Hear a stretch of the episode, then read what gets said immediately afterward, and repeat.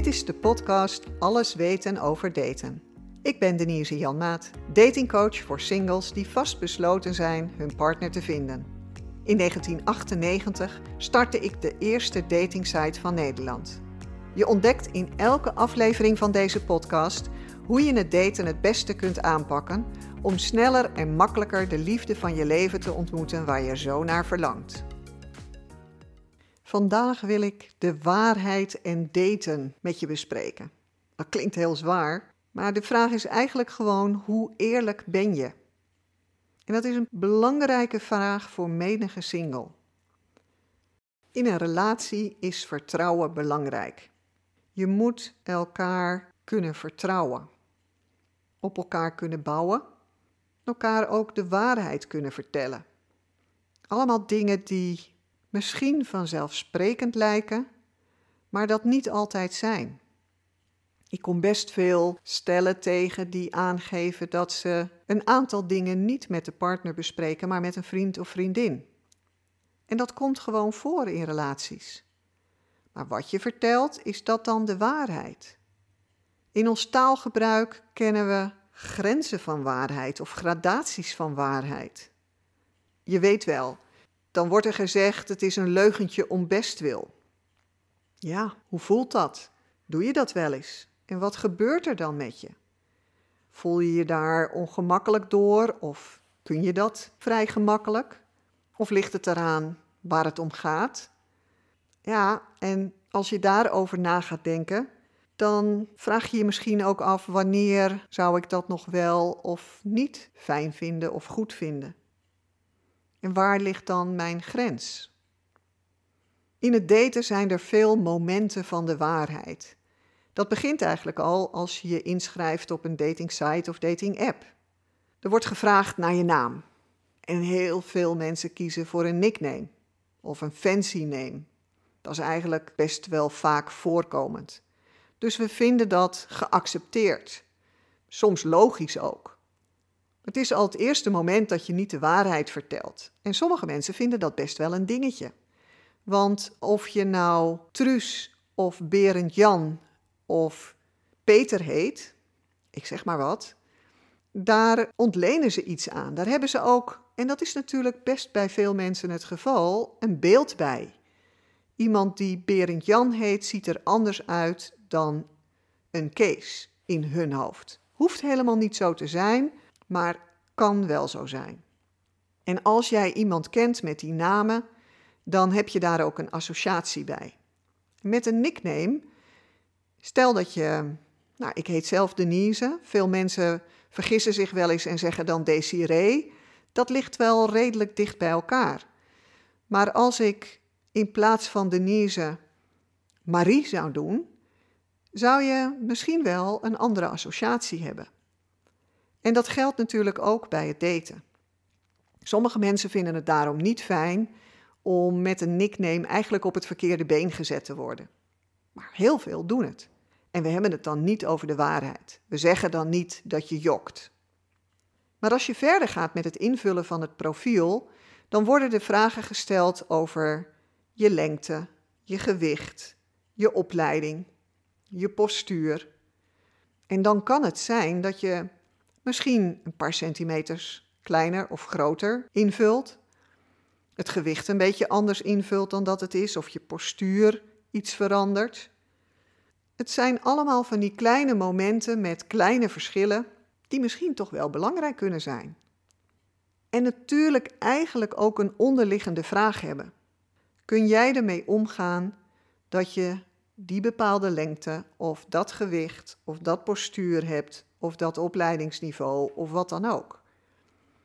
als je daar moeite mee hebt, is de verleiding groter om daar net iets anders in te vullen. Of misschien denk je, als ik twee jaar jonger doe, word ik misschien eerder uitgekozen.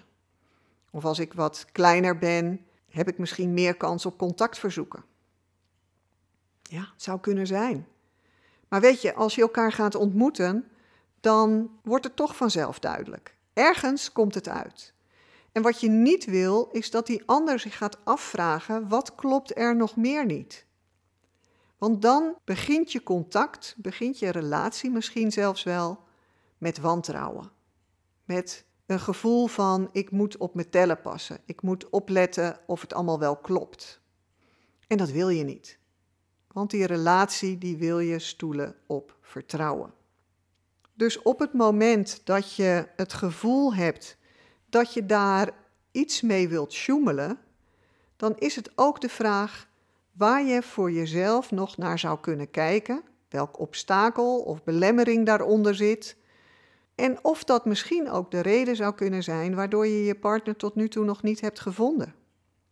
En daarin kan dan van alles bovenkomen, en bij sommigen gaat dat over een van de onderwerpen die ik noemde, maar het kan ook zijn dat er iets heel anders onder zit. Maar het werkt bevrijdend om daarmee aan de slag te gaan, zodat je, nou, om het dan maar zo te zeggen, open en bloot je partner tegemoet kunt treden. Dat je geen verhaal nodig hebt van, oh ja, um, we gaan op date, maar ik moet even vertellen dat. Dat wil je niet. En het enige waar ik, waar ik je um, vooral op wil attenderen met dit onderwerp, is dat je onbevangen de date in wilt kunnen gaan. Dat je ook van die ander verwacht dat die dat ook doet. En er zijn natuurlijk soms aanleidingen om te zeggen: ik vertel iets nog niet. Dat kan. Maar vertel niet een halve waarheid, want dat is lastiger. En als er onderwerpen in je profiel staan of niet in je profiel staan waarvan je denkt: hmm, dat kan toch een dingetje zijn, dat, daar moet ik misschien iets mee, dan is het goed om eens even na te denken, misschien met uh, vrienden of vriendinnen daarover te sparren, hoe je dat op een creatieve manier zou kunnen doen. Je hebt waarschijnlijk gehoord dat ik in een rolstoel zit. En dat kan natuurlijk voor sommige singles een belemmering zijn om, als ik aan het daten zou zijn, om met mij een afspraak te maken. Want misschien wil je geen partner in een rolstoel. Dat kan. En dat is je goed recht om daarvoor te kunnen kiezen. Wat doe ik dan als ik mijn profieltekst maak? Zet ik het erin of niet? Als ik heel eerlijk ben, weet ik dat niet zeker. Omdat ik niet mijn rolstoel ben. Mensen die mij eenmaal ontmoeten en meemaken, die zijn na vijf minuten vergeten dat ik in een rolstoel zit. En natuurlijk, als je met mij zou leven, dan merk je dat dat zijn beperkingen oplevert. Ik heb ermee leren leven en ik zou het heel fijn vinden, en dat doet mijn partner gelukkig ook, dat die daar geen obstakel in ziet. En de kunst is om iemand daarin mee te nemen en dat te laten ontdekken. En als ik dat vooraf in mijn profiel zou zetten, gaat diegene daar zelf een beeld van maken zonder dat ik daar invloed op heb. Dus misschien dat ik zou schrijven dat mijn leven op rolletjes loopt. En ja, dan is dat misschien een beetje verdekt in mijn profiel verstopt, maar ik heb wel het gevoel dat ik meer de kans krijg om mezelf te laten zien. En bij mij zie je mijn beperking, mijn lichamelijke beperking aan mijn rolstoel. Maar er zijn natuurlijk ook mensen die een ochtendhumeur hebben. En die schrijven dat er niet in. Dat ga ik pas ontdekken als ik ze tegenkom. Ehm, ja, vind ik dat dan fijn? Eigenlijk is dat net zoiets waar je het over zou willen hebben, want een stevig ochtendhumeur kan heel wat betekenen in je relatie. En zo kan het ook zijn dat iemand bijvoorbeeld door ja, bijvoorbeeld kanker, prostaatkanker of borstkanker, een borst is geamputeerd of door prostaatkanker impotent is geworden. Dat zijn natuurlijk dingen waar je het over moet hebben. Een transgender heeft een verhaal omdat ja, het toch iets meer vraagt om te vertellen voordat je met elkaar wat verder gaat. Maar de kunst is hoe je dat gaat vertellen en wanneer. En met singles die ik coach, hebben we het daar uitgebreid over. Want dat is voor iedereen persoonlijk anders. En het vraagt ook telkens om daar weer je eigen afwegingen in te maken. En dat betekent ook dat je misschien het op een andere manier beschrijft dan je nu zou denken. En spreek je dan de waarheid? Ja, maar misschien niet helemaal. En dan zou het kunnen zijn dat iemand op een eerste date teleurgesteld is en zegt: had het maar verteld. En Als je dan goed kunt vertellen waarom je dat niet gedaan hebt, wordt dat meestal geaccepteerd. Ik vertel het gewoon eerlijk omdat er geen zwart en wit is in dit onderwerp. Want je voelt al dat een leugentje om best wil ook een beetje grijs is. En waar zit dan de waarheid? En wanneer mag je erover oordelen of iemand eerlijk is of niet? Want die grenzen die liggen voor ieder anders. En ik wil je graag uitnodigen om eens voor jezelf na te denken hoe jij daarin staat en wat jij daarvan vindt, maar ook hoe je ermee omgaat. En in je profiel eens kijkt van oké, wat heb ik opgeschreven en hoe ga ik daarmee om? Of wat zou ik ervaren als de single die ik ontmoet daar op een andere manier mee om is gegaan dan ik dat zou doen? Dit is een beetje een ja, filosofische eh, aflevering geworden, want ook dit zijn dingen die natuurlijk horen bij elkaar vinden.